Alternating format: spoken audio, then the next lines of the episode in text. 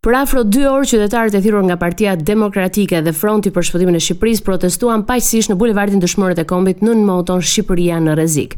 Sali Berisha e ka shpallur armik kryeministrin, duke e akuzuar se po punon kundër interesave të shqiptarëve.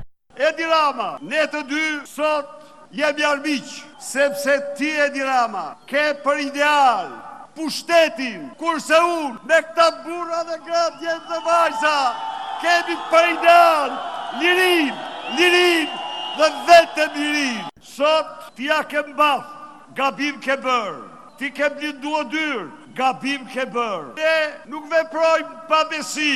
Kur të themi mbathja, do t'ia mbathësh. Orët e tij janë të numëruara. Të bëj thirrje, boll vodhe, ik! Berisha u betua mbi flamur se do t'u rikthejë shqiptarëve dinjitetin përmes votës së lirë. Bashkimin Europian e ftoi të hapë negociatat me Shqipërinë, teksa Edi Ramën e cilësoi vasal të Vuçiç, duke kundërshtuar me forcë projektin e Ballkanit të Hapur. Protesta është mbyllur me fjalimin e Berishës, i cili më pas iu drejtua makinës për t'u larguar, teksa qytetarët nuk krijuan asnjë incident. Për garantimin e mbarëvajtjes së protestës u angazhuan 1000 forca policie. Edi Rama dhe homologu i tij holandez Mark Rutte lajmëruan në konferencën për shtyp ditën e hënë në Amsterdam se po shikojnë mundësinë e një nisme të përbashkët që bën të zbatueshme idenë e presidentit Macron për një komunitet politik evropian. por kryeministri shqiptar zbulon se bashkë me homologun holandez kanë rënë dakord që propozimin ta paraqesin në samitin e BE-së në Pragë në muajin tetor. Rama dhe Rute madje kanë hedhur në letër edhe propozime konkrete se si e shohin ata funksionimin e këtij komuniteti që synon të ulë në tryezën e vendimmarrjes politike europiane 27 vendet e BE-së dhe 6 vendet e Ballkanit Perëndimor, të cilat aspirojnë të jenë pjesë e Unionit. Për Ramën ky propozim i Rutes është tregues për pozicionin që ka aktualisht Shqipëria në arenën ndërkombëtare.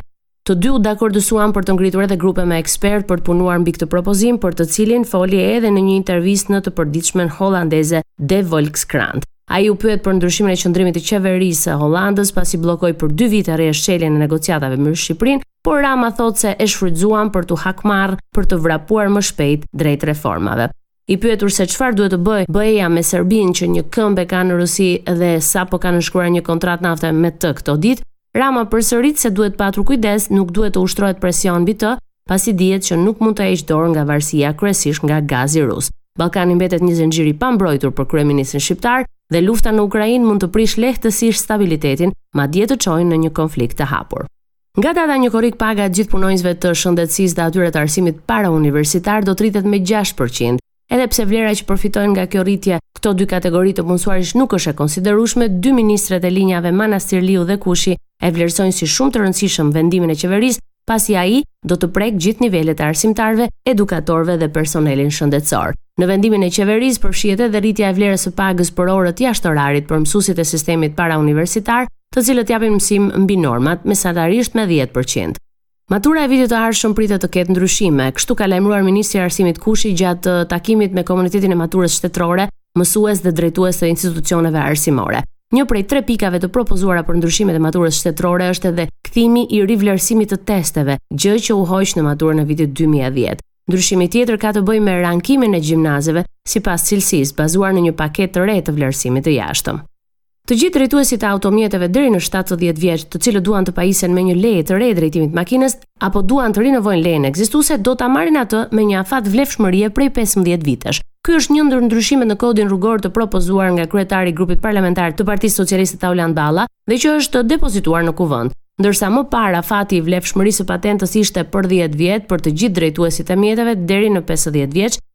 dhe pesë vite për ata mbi këtë moshë. Tashmë me këtë propozim ky afat zgjatet deri 15 vjet.